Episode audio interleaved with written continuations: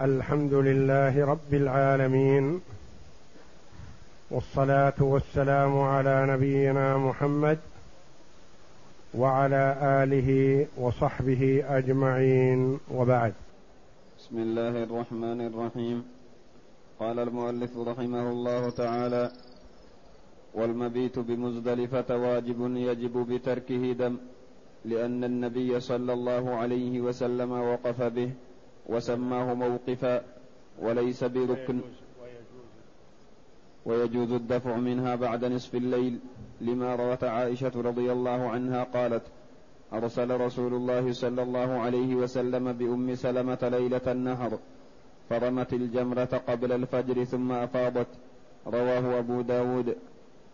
ولا بأس بتقديم الضعفة ليلا لهذا الحديث ولما روى ابن عباس قال كنت في من قدم النبي صلى الله عليه وسلم في ضعفة أهله من مزدلفة إلى منى متفق عليه.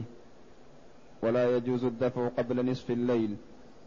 فمن خرج, فمن خرج قبل ذلك ثم عاد إليها في ليله فلا دم عليه ومن لم يعد فعليه دم. فإن وافاها بعد نصف الليل فما دم فلا دم عليه كما قلنا في عرفة سواء. يقول المؤلف رحمه الله تعالى ويجوز الدفع أي من مزدلفة بعد نصف الليل. لما روت عائشة رضي الله عنها قالت أرسل رسول الله صلى الله عليه وسلم بأم سلمة ليلة النحر فرمت الجمرة قبل الفجر ثم أفاضت. دل هذا على أن من كان معه ضعفة ويشق عليهم الانتظار في مزدلفة إلى ما بعد الفجر وقبيل طلوع الشمس أن لهم أن ينصرفوا بعد منتصف الليل. فالانصراف من مزدلفة للضعفة بعد نصف الليل. وللأقوياء بعد صلاة الفجر والإسفرار. أما قبل منتصف الليل فلا يجوز لأن النبي صلى الله عليه وسلم لما قدم أم سلمة وقدم الضعفاء كلهم كان تقديمهم بعد منتصف الليل فدل على أنه لا يجوز قبل منتصف الليل وإلا لو جاز لقدمهم. فمن انصرف من مزدلفة قبل منتصف الليل فهو لم يؤدي حق مزدلفة في البقاء بها والبيتوتة فيها فحينئذ يكون عليه دم. أما بعد منتصف الليل فلا بأس للضعفة ومن في حكمهم ومن يحتاجونه لأن الضعفة بأنفسهم لا يستطيعون الانصراف وحدهم إلا بمن يعينهم ويساعدهم فله أن ينصرف معهم. أما من جاء إلى مزدلفة بعد منتصف الليل فأي بقاء يبقى فيه يجوز. يعني لا يلزم بخلاف من جاء قبل منتصف الليل ثم انصرف فإن عليه أن يعود. بعد منتصف الليل فإن لم يعد لزمه دم. أما من جاء بعد منتصف الليل فمتى ما انصرف فلا شيء عليه. يقول رحمه الله كما قلنا في عرفة لأن من وقف بعرفة نهارا ثم انصرف قبل الليل لزمه أن يعود ليأخذ شيئا من الليل ولو قليلا. فإن لم يعد لزمه دم. أما من جاء إلى عرفة ليلا فلا شيء عليه. كذلك نصف الليل الآخر بالنسبة لمزدلفة مثل أول الليل وآخره بالنسبة لعرفة. أي أن من جاء إلى عرفة ليلا كفاه أي وقوف أو مرور فيها. ومن جاء إلى مزدلفة بعد منتصف الليل كفاه أي وقوف أو مرور فيها. والنبي صلى الله عليه وسلم عجل أم سلمة لأنها كانت امرأة ثقيلة ويشق عليها فعجلها ورمت وأفاضت وأدركت صلاة الفجر في المسجد الحرام. يعني بعدما رمت قبل منتصف الليل رمت قبل طلوع الفجر. رمت الجمرة وأفاضت دل هذا على أن وقت طواف الإفاضة من بعد رمي جمرة العقبة لمن رماها ولو بعد منتصف الليل. نعم. فصل. فإذا وصل منى بدأ برمي جمرة العقبة لأنه صلى الله عليه وسلم بدأ بها ولأنها تحية منى.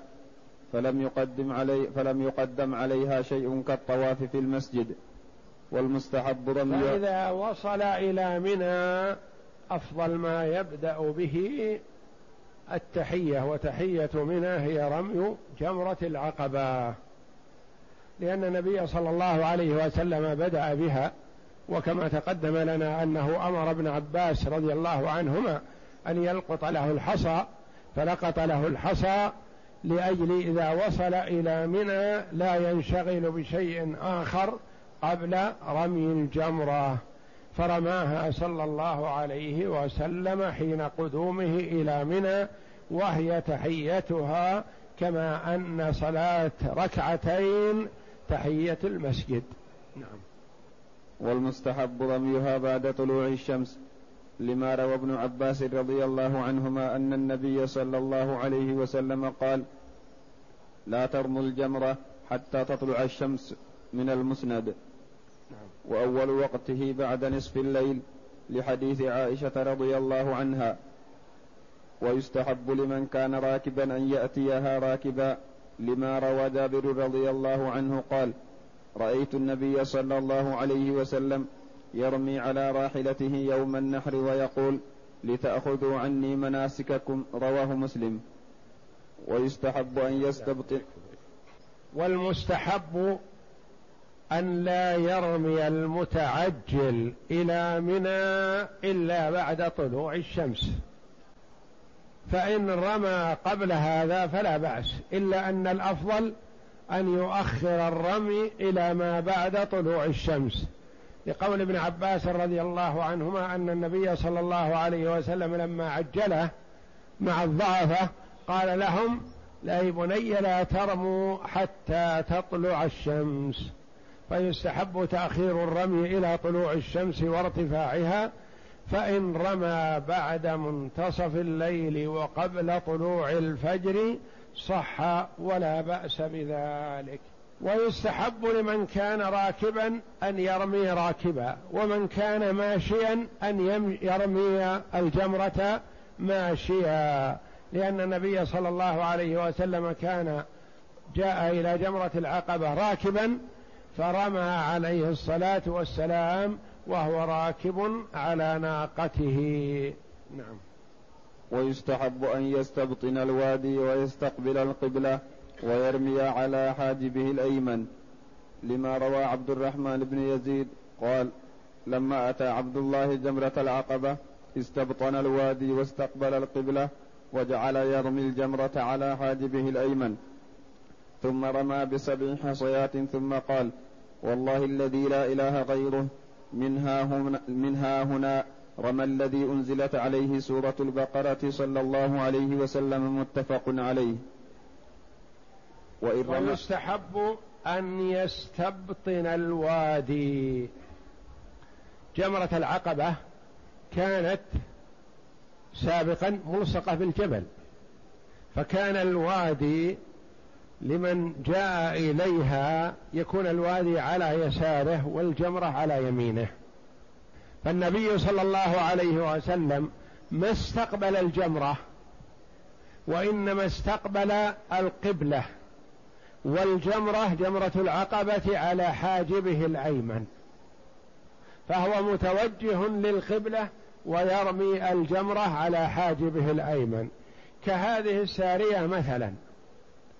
يعني الرامي للجمرات يستقبل القبلة وجهه للقبلة. والجمرة على حاجبه الأيمن لا نقول مثلا على يمينه هكذا لا وإنما على حاجبه الأيمن. يعني ليست أمامه سمته مقابل بالضبط وإنما على اليمين قليلا ولا يصلح أن نقول إنها على يمينه مثل هذه لا. على حاجبه الأيمن فهو يستقبل القبلة ويرمي الجمرة. لما روى عبد الرحمن بن يزيد قال, قال لما أتى عبد الله هذا عبد الله بن مسعود رضي الله عنه. جمرة العقبة استبطن الوادي يعني جاء من بطن الوادي. واستقبل القبلة وجعل يرمي الجمرة على حاجبه الأيمن.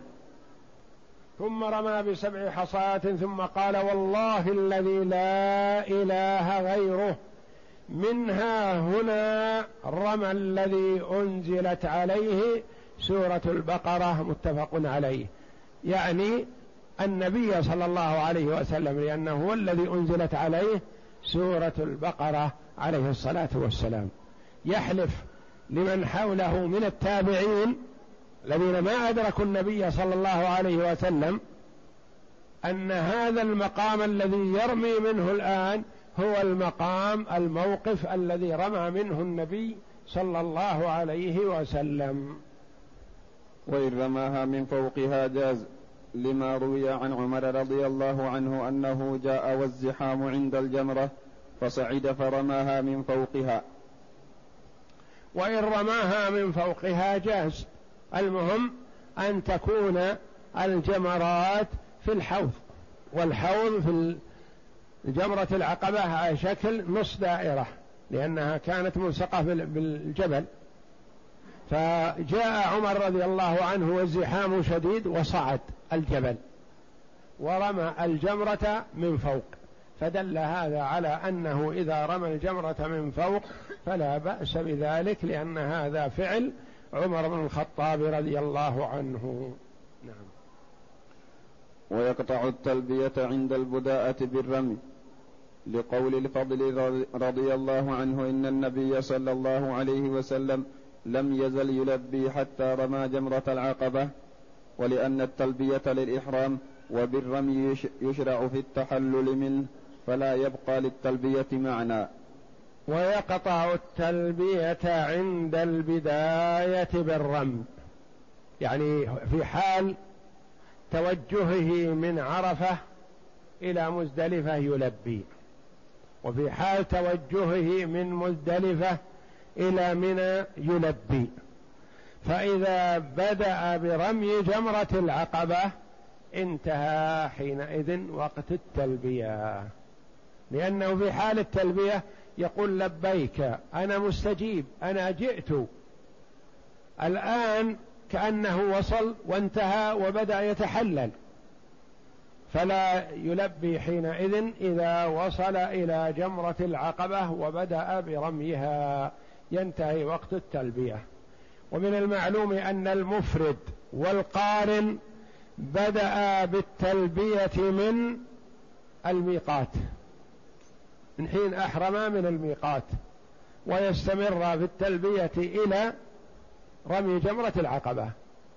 المتمتع الذي أحرم بالحج من مكة والمفرد بالحج الذي أحرم من مكة بدأ بالتلبية من يوم إحرامهم يوم التروية أو ما بعده. وينتهي الجميع من التلبية عند رمي جمرة العقبة كل حاج. بأي نسك أحرم يتوقف عن التلبية متى؟ إذا بدأ برمي جمرة العقبة. ويكبر مع كل حصى لحديث جابر وعن ابن عمر أن النبي صلى الله عليه وسلم استبطن الوادي ورمى بسبع حصيات. يكبر مع كل حصاه الله أكبر الله أكبر. اللهم اجعله حجا مبرورا وذنبا مغفورا وسعيا مشكورا. رواه حنبل في مناسكه. ويرفع يديه في الرمي حتى يرى بياض إبطيه. السنة أن يرمي ويكبر مع كل حصاه لأن الهدف من الرمي هو إقامة ذكر الله جل وعلا.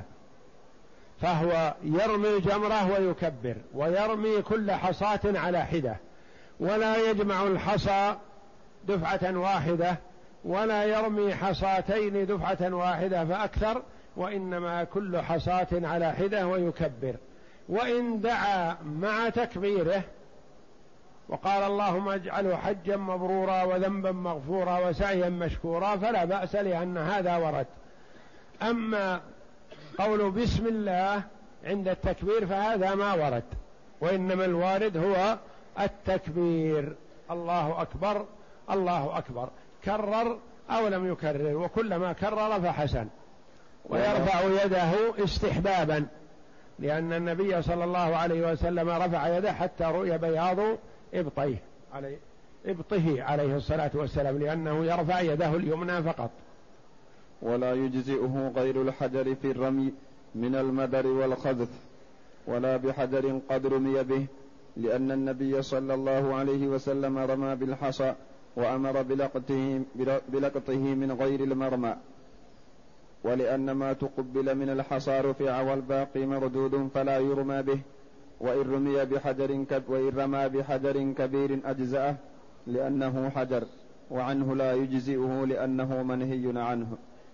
ولا يجزئه, ولا يجزئه غير الحجر. يعني لو رمى بطين أو بغيره مثلا بزجاج أو قطع حديد أو قطع ذهب أو قطع فضة أو نحاس ما صح.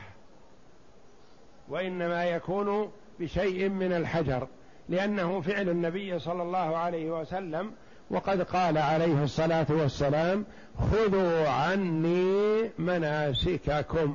يعني افعلوا كما فعلت. ولا يرمي بحصن قد رمي به لأنه أديت به عبادة فلا يكرر. ويرى بعضهم أنه لا بأس بذلك لا لا بأس بأن ترمي بشيء ولو رمي به فلا بأس. لأنه رمى به صاحبه وأدى به عباده وأنت ترمي به كذلك مثله ولا حرج. وأما الحجر الكبير فيكره لكن لو رمى به أجزأه لأنه حجر وإنما هو تجاوز الحد. يعني ما خرج عن الأمر وإنما هو زاد ولا تنبغي الزيادة. ولا يجزئه وضع الحصى في المروى. في المرمى بغير رمي لأن النبي صلى الله عليه وسلم رمى. ولا يجزي وضع الحصى في المرمى. لو جاء إلى الحوض ومعه السبع حصيات وضعهن هل نسميه رمى؟ لا. وما صدق عليه اسم أنه رمى الجمرات. لو كان معه سبع بيده اليسرى ثم يأخذهن واحدة واحدة بيده اليمنى ويضعها في الحوض. وضع. هل يسمى رمى؟ لا. إذا لا بد من الرمي حتى وإن كان قريبا. وإن كان واقف على الحوض ما يضعها وضع وإنما يرمي بها. وهكذا ويتأكد من وصولها للحوض. يجهل بعض الناس يرمي من بعد في وهو شبه متيقن أنها لا تصل ففي هذه الحال لا تجزي. بل لا بد أن يكون متيقن الوصول أنها وصلت إلى الحوض. نعم. فإن رمى السبع دفعة واحدة لم يجزئه إلا عن واحدة لأن النبي صلى الله عليه وسلم رمى سبع رميات. فإن رمى السبع دفعة واحدة بيده ورماها جميع. كفت عن واحدة لأن هذه تعتبر رمية واحدة. ما تعتبر سبع لأن النبي رمى سبع.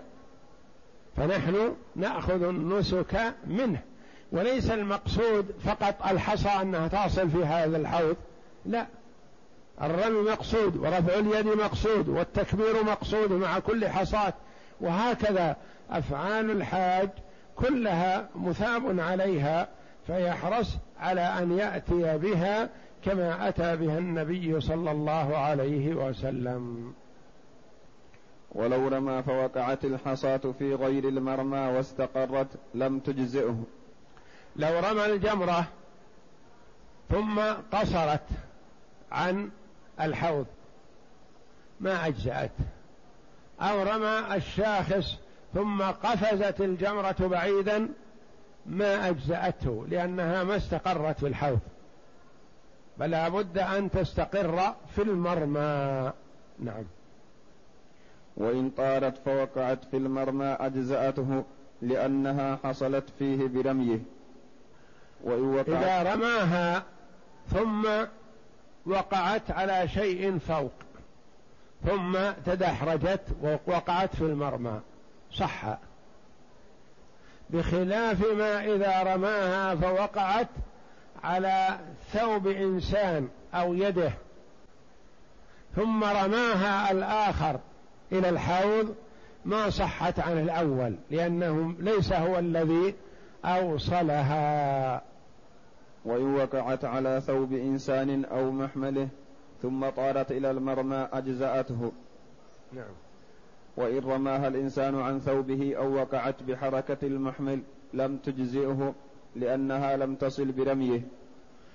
يعني إذا وقعت على رأس إنسان مثلا أو في محمله الذي هو راكب عليه أو على شيء ما ثم تدحرجت في الحوض أجزأت. وإذا وصار وصولها للحوض بواسطة هذا مثلا بأن وقعت في يد إنسان راكب أو في محمل ثم رمى بها هذا الراكب ما أجزأت عن الأول لأنه الذي أوصلها الأخير والأول لم يوصلها. فرق بين الحالين مثلا وقعت على رأس إنسان ثم تدحرجت وصارت في الحوض. أجزأت. وقعت على رأس إنسان ثم أخذها هذا الإنسان ورمى بها. ما أجزأت. لأنها في الحال الأول وصلت برمي الأول وفي الحال الثانية وصلت برمي الثاني فما تجزئ نعم. وإن رماها من مكان عال فتدحرجت إلى المرمى أجزأته. لأنها حصلت فيه بفعله. نعم. وإن وقعت في غير المرمى فأطارت أخرى إلى المرمى لم تجزئه لأن التي رماها لم تصل.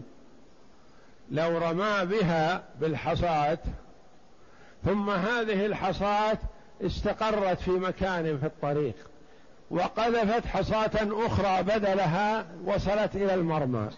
هل تجزئ؟ لا. لأن الحصاة التي رمى بها الحاج استقرت دون المرمى. وهذه الحصاة التي وصلت إلى المرمى لم يكن رمى بها. نعم. وإذا فرغ من الرمي انصرف ولم يقف لأن النبي صلى الله عليه وسلم لم يقف عندها.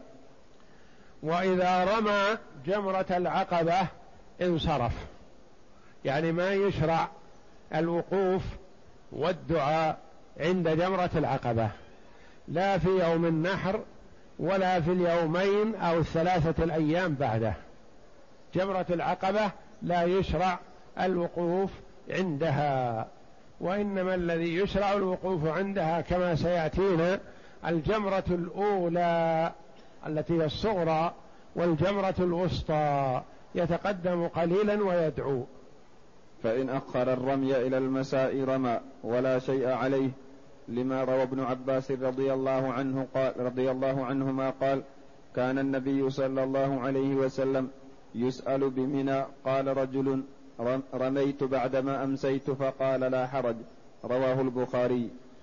فإن أخر الرمي يوم العيد من الصباح لأن وقت الرمي الأفضل من بعد طلوع الشمس إلى الظهر إلى الزوال. وإن أخر إلى المساء فلا بأس إلى الغروب لا إشكال فيه. بعد الغروب كما سيأتينا القول الأول الذي كان أخذ به جمع من العلماء أنه لا يجوز الرمي بعد الغروب. إن غربت الشمس وهو لم يرمي فيؤخر الرمي إلى الغد بعد زوال الشمس يعني بعد دخول وقت صلاة الظهر. وفي السنوات الأخيرة اجتهد العلماء رحمهم الله وأجازوا الرمي ليلا نظرا لكثرة الزحام وكثرة الحجيج وعدم تمكن الكثير من الحجاج من الرمي إلى وقت النهار فأجازوا الرمي ليلا إلى آخر الليل إلى طلوع الفجر فإذا طلع الفجر يتوقفون لأن هذا أصبح في اليوم الحادي عشر. فيتوقف ولا يرمي إلا بعد الزوال. فيوم العيد وقت رمي جمرة العقبة الآن من بعد طلوع يعني من نصف الليل منتصف الليل ليلة النحر إلى طلوع الفجر ليلة يوم الحادي عشر من أيام التشريق. اليوم الأول من أيام التشريق الذي هو اليوم الحادي عشر من ذي الحجة. فإن طلع الفجر وهو لم يرمي فينتظر إلى زوال الشمس ليرمي جمرة العقبة أولا ثم يرجع فيرمي الجمار الثلاث مرتبا. فإن لم يرم حتى جاء الليل لم يرم وأخره إلى غد بعد الزوال لأن ابن عمر رضي الله عنهما قال ذلك. نعم. فصل ثم ينصرف فيذبح هديا إن كان معه وإن كان واجبا عليه ولا هدي معه اشتراه فذبحه. لقول, لقول جابر رضي الله عنه عن النبي صلى الله عليه وسلم إنه رمى من بطن الوادي ثم انصرف إلى المنحر فنحر ثلاثا وستين بدنة بيده ويسن أن ينحر بيده لهذا الحديث. ثم ينصرف بعد رمي جمرة العقبة ولا وقوف عندها كما تقدم. ثم الآن حان وقت الذبح. إن كان عليه هدي بأن كان متمتع أو قارن هذا عليه هدي واجب. أو كان معه هدي تطوع بأن كان مفرد بالحج ومعه هدي تطوع لأن الهدي يجوز فيه التطوع والواجب يجب أن يؤدى. حتى لو لم يكن عليه هدي واجب وأحب أن يتطوع فهو مشروع. فينحر هديه ويستحب أن يتولى هو ذبح هديه. فإن لم يتيسر له ذلك لم يستطع الذبح بنفسه فليقف عليها. ذلك أفضل. فالنبي صلى الله عليه وسلم نحر بيده الشريفة ثلاثا وستين بدنة بعد رميه جمرة العقبة. انظر إلى بركة الوقت مع النبي صلى الله عليه وسلم. من صرف من مزدلفة إلا بعدما أسفر وكادت الشمس أن تطلع وهو على الراحلة. ثم جاء ورمى جمرة العقبة.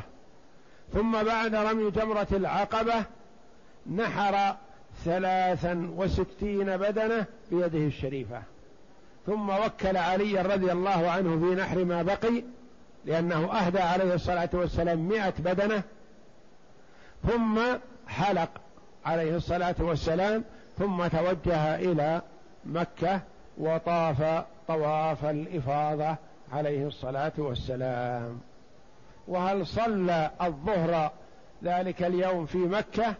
أم عاد وصلى في منى قولان للعلماء رحمهم الله. ويجوز أن يستنيب فيه لأن النبي صلى الله عليه وسلم أعطى علي رضي الله عنه فنحر ما غبره.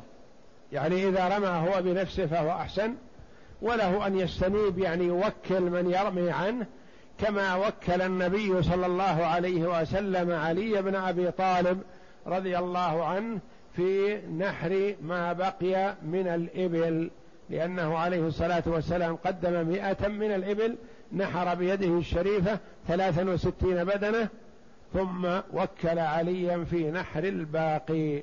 ثم أمر صلى الله عليه وسلم بأن يؤخذ من كل بدنة من هذه البدن المئة بضعة يعني قطعة لحم صغيرة. وطبخت جميعا جميع هديه المئة. عليه الصلاة والسلام.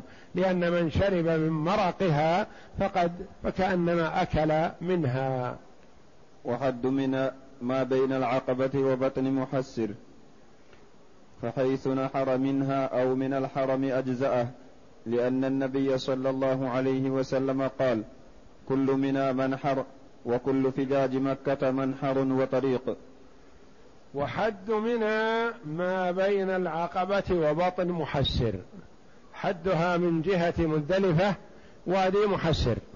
الفاصل بين مزدلفة ومنى. وحدها من جهة مكة جمرة العقبة. جمرة العقبة في منى. وما بعدها من جهة مكة هو من مكة وليس من منى. فحدود منى ما بين وادي محسر إلى جمرة العقبة. وأما النحر فسواء نحر في منى أو نحر في مزدلفة أو نحر في مكة. المهم أن يكون نحر الهدي في الحرم. فإذا نحره خارج الحرم ما صار هدي للحرم. لأن هذا مما يختلف فيه الهدي عن الأضحية. فمثلا إذا كان هدي على أهل حي التنعيم مثلا أو حي الشرائع الذي خارج الحرم ما يصلح أن يذبحوه هناك؟ الأضحية تذبح في أي مكان. الأضحية تذبح داخل الحرم وخارج الحرم. وأما الهدي فيلزم أن يكون في مكة. لو ذبح هديه في عرفة ما صح لأن عرفة خارج الحرم. ذبحه في وادي محسر أو في مزدلفة صح لأن هذا من الحرم. لقوله صلى الله عليه وسلم كل منا منحر وكل فجاج مكة منحر وطريق. يعني كل ما كان داخل الحرم فإنه محل لنحر الهدي والحمد لله. ولا يلزم أن يسلك الحاج طريق معين خاص الذي سلكه النبي صلى الله عليه وسلم بل له أن يخرج من أي طريق ويدخل من أي طريق. نعم. فصل. ثم يحلق رأسه ويستحب أن يكبر عند حلقه لأنه نسك ويستقبل القبلة ويدأ بشقه الأيمن. لما روى أنس رضي الله عنه أن النبي صلى الله عليه وسلم دعا بالحلاق فأخذ بشق رأسه الأيمن فحلقه ثم الأيسر. رواه أبو داود. ثم بعد النحر يكون الحلق. ويستحب أن يكبر حال عمل الحلاق. الحلاق يحلق والحاج يكبر. ويذكر الله جل وعلا لأنه في حالة نسك وعبادة. ويستقبل القبلة ويبدأ بشق رأسه الأيمن لأن النبي صلى الله عليه وسلم يعجبه التيامن في شأنه كله.